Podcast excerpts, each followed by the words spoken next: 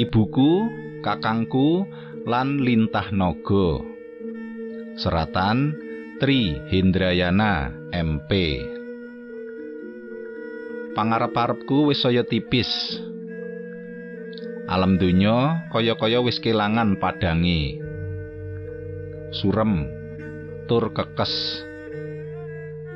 Anane mung kari ngitung wektu detik mbok detik sing miturut pangrasaku saya nyedaki wates.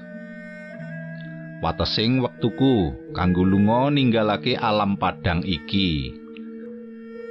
Tumuju marang alam liya sing embuh kaya ngapa wujud lan kahanane.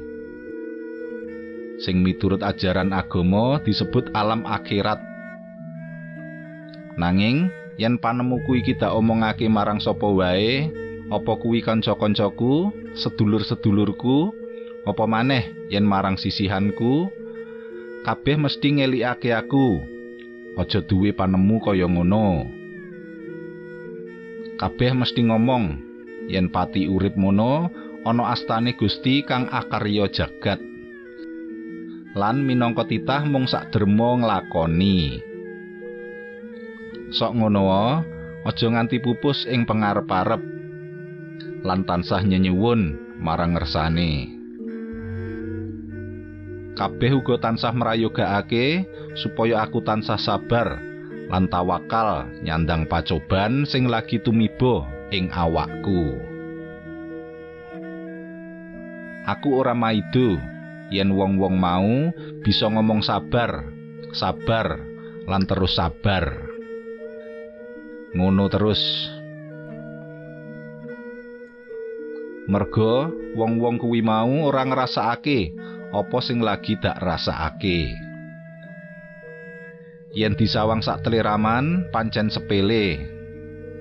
Wong penyakitku iki pancen ora karuan genahe. pirang-pirang dokter wis tak parani. Nganti dokter spesialis sing jarine kondang cespleng pangobatane uga wis tak tekani. Nanging tetep durung kinawruhan apa penyakitku sak benere. Kabeh kondo, jane ora ana penyakit tinamtu. Apa maneh nganti sing gawat sing angrem ing jroning awakku. Saka asile pemeriksaan medis, awakku dinyatakake sehat. Mula saben-saben aku mung dikon konsumsi pil-pil vitamin wae. Nanging nganti jeleh lan blenger ora ana owah-owahan, apa maneh waras. Kepara kahanane awakku saya melorot. Wis ora kuwagang tumandang nyambut gawe. bosen berobat marang dokter, aku nuruti pamerayogane sanak sedulurku supaya aku nyoba berobat menyang alternatif. Wiwit dipijet, diurut, pengobatan tenaga dalam, lan warna-warna maneh wis dak coba kabeh. Asile tetep nihil. Awakku tetep panggah kaya jerangkong kepanjingan nyawa. bener-bener kari balung karo kulit. Nganti sawijining wektu, aku nekani papan prakteke sawijining paranormal. Jeneng asline ora dak ngerteni. Mung dheweke kondang kanthi sebutan Mbah Raden. Saka wong tuwa sing bringos putih nyeketet kuwi, aku oleh diagnosa sing jare rada seje karo sing uwis-uwis. Miturut Mbah Raden, aku kena penggawene wong sing ora seneng. Jelase ngono, aku kena santet. Santet sing kerjane alus banget. Nanging landhepe tan kena kinira. Santet sing mbok sithik ngrogoti otot bebayuku. grogoti kekuatan lan kesehatanku. Cekak cukupe, santet kuwi bakal ngrogoti uripku. Sitik mbok sitik nganti ludes. Lan aku dadi pensiunan menungso. Sawise dicoba ping bola bali, pranyata ilmune Mbah Raden durung bisa nandangi santet sing namani awakku. Apa maneh kok marasake? Ngerteni wujude santete wae, ilmune Mbah Raden ora gaduk. Miturut teropong batine, jarine santet sing manggon ana ing awakku mau kaya kebungkus pedhut kandel sing mawa perbawa ngegirisi. Wusanane Mbah Raden ya angkat tangan. Ya sing gedhe pangapuramu ya, Nak. Dina iki aku wis ketanggur tenan. Coba golek piyayi sing ilmune luwih dhuwur. Aku terus terang wis ora saguh. Lajeng sinten lan daleme pundi nggih, Mbah? Sisihanku miterang. Wah, yen bab kuwi aku ora bisa nuduhake. Coba wae nyaring-nyaring swara sing ning jaba. Kaya ngono kuwi mau sing marai aku saya nglukro.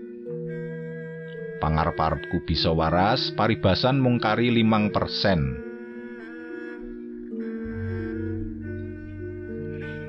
Sing gumunake lorong nganti pirang-pirang sasi lan wis ngentekake ragat sing ora kaitung nafsu manganku kok ora owah.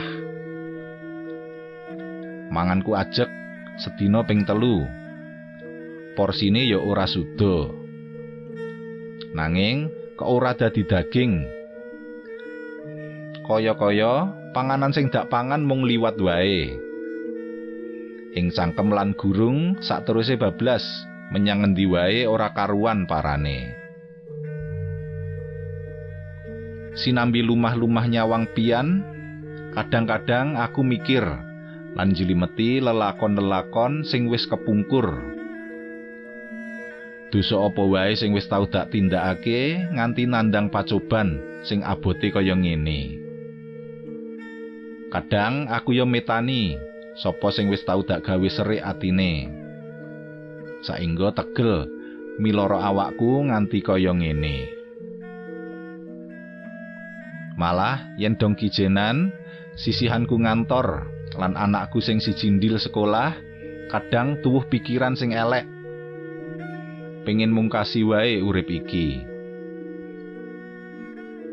Merga uripku pancen wis ora bisa disebut 100% urip.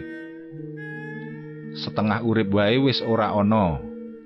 Kira-kira mung kari 10 persene.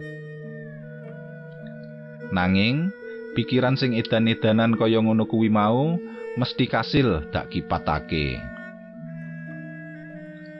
Mergane sepisan aku isih eling yen nglalu mono ora bakal diridhoi dening Gusti Allah. Kaping pindune, aku ora yakin yen mati bakal ngerampungake masalah.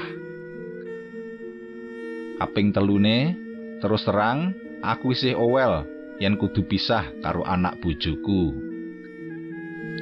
Dadine, pikiran pengen nglalu mesti mung mandek ana pikiran wae.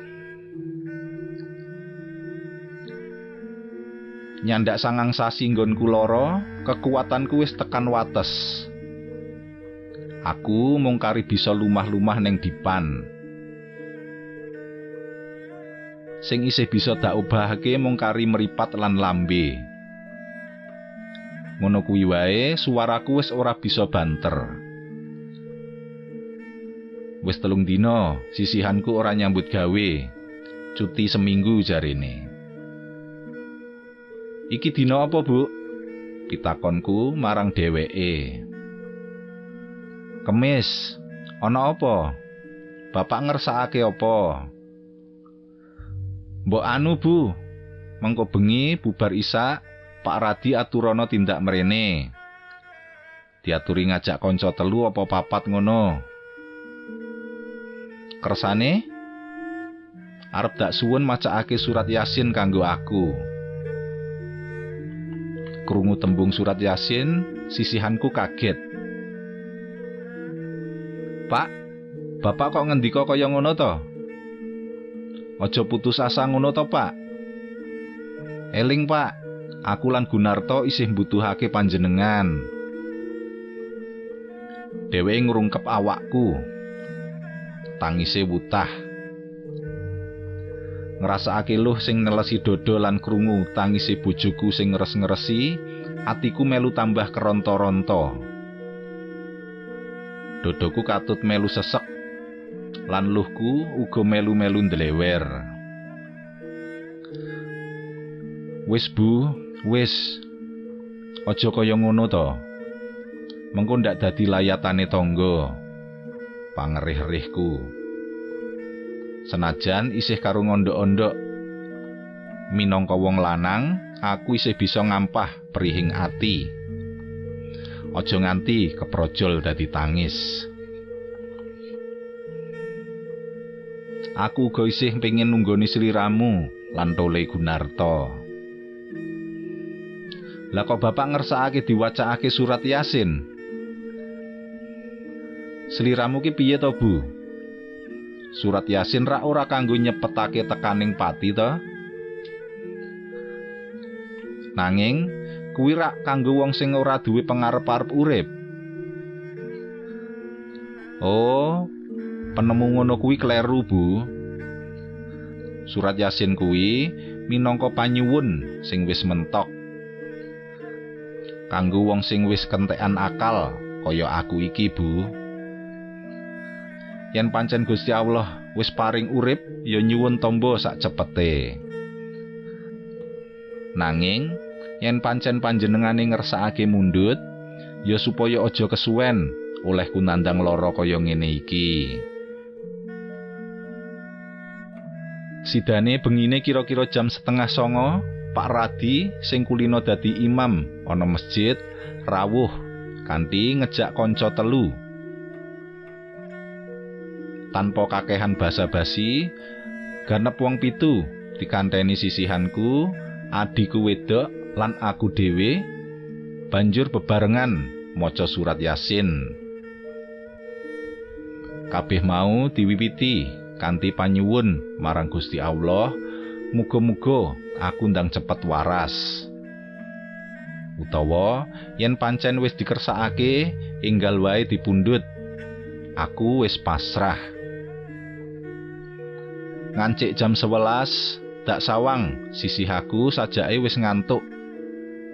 Mula banjur dak kon mapan turu. Lah sing ngancani bapak terus apa? Yen butuh apa-apa, mengko piye? Wis to, Bu, aku ora apa-apa. Sawise diusap banyu karo Pak Radi mau, awakku sajak rada kepenak. Bareng kari ijen ing kamar, aku ngrasakake ana owah-owahan. Ing awakku uga ing pikiranku. Awakku krasa luwih kepenak katimbang wingi-wingi. Pikiran uga krasa luwih wening. Sing wingi krasa bunek, kecampur jengkel lan putus asa, saiki krasa plong, tentrem. Suarane kewan-kewan wengi krasa nyenengake. Suarane gangsir lan orong-orong banget nyengsemake. Lan kuwawa nggawa rasa pangrasaku menyang alam suwung sing tanpa wates. Ing kahanan kasengsem, lamat-lamat aku kaya krungu swara kidung. Kidung sing saya suwe saya cetha. Sing sajak wis akrab banget ing pangrungonku. Minggak-minggoke cengkoke uga munggah mudune andane. Capet-capet aku kelingan yen kidung kaya iki sing tansah dilagokake dening suwargi bapak. Yen pinuju ngeloni aku ana peturon rikala jaman cilikanku biyen. Rasane kaya lagi ngimpi. Nanging ah, aku ora ngimpi. Aku ora lagi turu. Aku ing kahanan sadar, bener-bener sadar. Swara kidung iki bener-bener nyata. Malah saiki saya cetha yen ana jero kamarku iki. Nuwuhake rasa tentrem ing batinku. Kaya nalika dilagokake dening suwargi bapak. Sinambi ngelus-ngelus rambutku kalane aku arep turu biyen. Aku wiwit krasa yen aku wis ora ijen meneh. Ana sing ngancani. Nanging apa utawa sapa? Aku ora ngerti. Merga aku ora meruhi. Nanging anehe aku ora wedi. Malah tambah krasa ayem. Aku nyoba mandeng sak kupenging kamar. Ora katon ana sapa-sapa. Nanging atiku tetep yakin yen aku wis ora ijen meneh. Dumadaan saka pernah lawang katon ayang-ayang tipis. Sing sak kawit mung kaya ampak-ampak nanging saya suwe saya cetha. Saya cetha meneh. Wusanane wujud wong sak kloron. Sing siji lanang, umur-umurane kira-kira sak kakangku. Sijine meneh wedok setengah tuwa. Wangune kekarone anak lan ibune. Kekarone mesem sumeh nyedaki panggonan kuturon. Saya cedhak, saya jelas anggonku nyawang.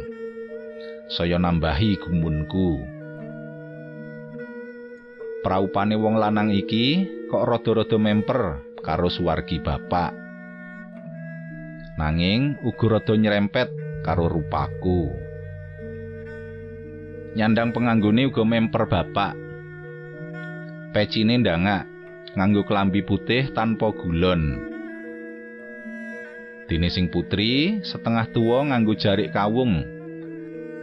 Kebaya lan kudunge werna ijo pupus. Bareng wis cedhak, wong wedok setengah tuwa mau banjur ngusap bathukku karo ngomong. Aja kaget ya, Le. Gurit, iki ibu sing tilik. Lho, ibu sampun pirsa nami kula. Pitakonku sajak gumun. Ya mesti wae to, Le. Kowe kuwi rak putrane Suwargi Mas Darmadi. Ya to? Inggih. Nah, kuwi artine kowe padha wae karo anakku. Aku iki ya ibumu. Kok saged ngaten? Aku isih gumun lan isih durung pati mudeng karo karepe wong iki. Apa suwargi bapakmu biyen ora tau cerita yen sadurunge krama karo ibumu wis duwe bojo lan anak siji? Aku meneng wae. Plenggang-plenggong. Merga saelingku bojone bapak kuwi mung siji ya ibuku. Ning saiki ya wis suwargi. Nanging ya ora maido yen suwargi Mas Darmadi ora tau cerita bab aku. Sebab alamku karo alammu pancen seje. Aku dititahake dudu saka alam menungso. Krungu tembung dudu saka alam menungso ngono kuwi mau, maknyut aku kelingan dongenge suwargi bapak biyen. Jare dek jaman enome bapak tau keblasuk ing alam kajiman. Malah jarine kasil ngerabi anake lurah jim. Nanging dek semono aku ora percaya. Aku ngarani yen cerita mau mung dongeng karangane bapak wae. dongeng biasa sing ora ana nyatane. Merga salah siji saka keahliane bapak ya kuwi dongeng. Punapa ibu ingkang asma Warakinanti?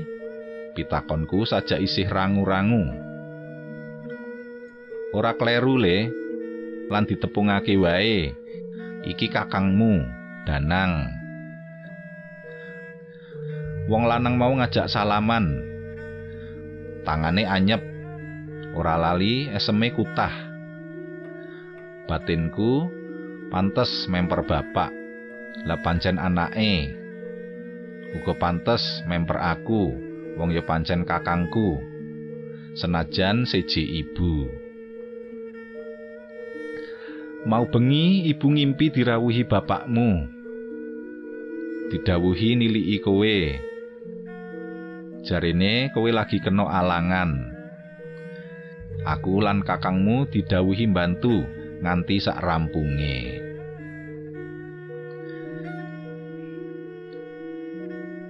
Inggih mengkaten para pamirsa waosan cariyos ibuku kakangku lan lintah naga. Seratan Tri Hindrayana MP kapethik saking kalawarti panyebar semangat nomor pitulas tanggal 28 April rongewu siji. Matur nuwun